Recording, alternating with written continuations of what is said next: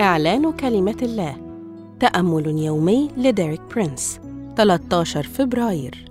الجسد للرب. هذا الأسبوع يشرح لنا ديريك برينس أن جسد المؤمن هو هيكل للروح القدس واليوم يوضح لنا أنه عندما نكرس أجسادنا للرب فالرب مسؤول مسؤولية كاملة عن حمايتها وصيانتها.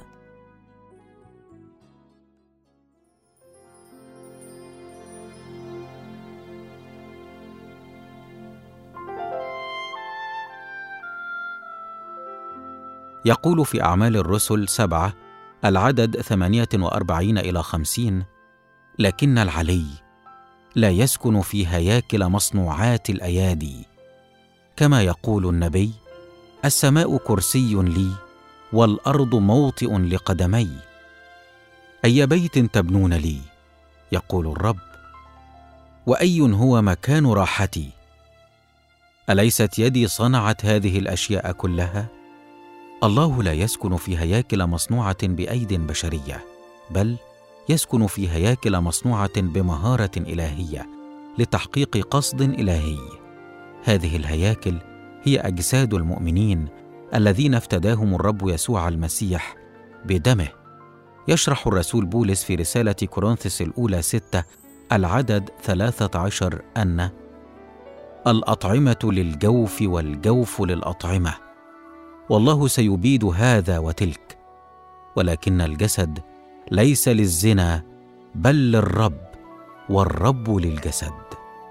يوضح هذا العدد أن الأطعمة ستباد وتنتهي. وفي سفر الأمثال ثلاثة عشر العدد خمسة وعشرين يقول الصديق يأكل لشبع نفسه.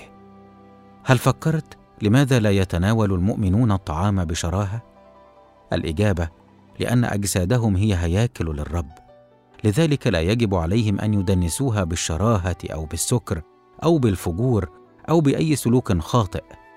فالجسد للرب والرب للجسد. عندما نقدم أجسادنا ليمتلكها الرب فلدينا حقوق ملكية الرب لأجسادنا. لمزيد من التوضيح دعونا نستخدم هذا التشبيه. إذا امتلكت مسكنا أصبحت أنت المسؤول عن صيانته. ولكن إذا كنت تعيش في شقة مستأجرة فالمالك هو المسؤول عن صيانتها. وهكذا إذا أعطينا يسوع فقط حقا مؤقتا على أجسادنا فلن يقبل المسؤولية عن صيانتها.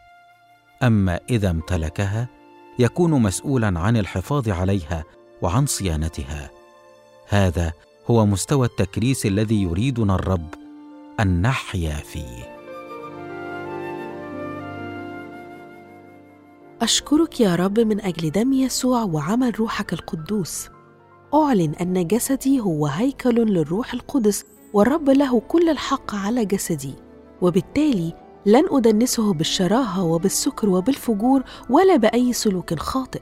جسدي هيكل للروح القدس مفدي ومطهر بدم يسوع. آمين.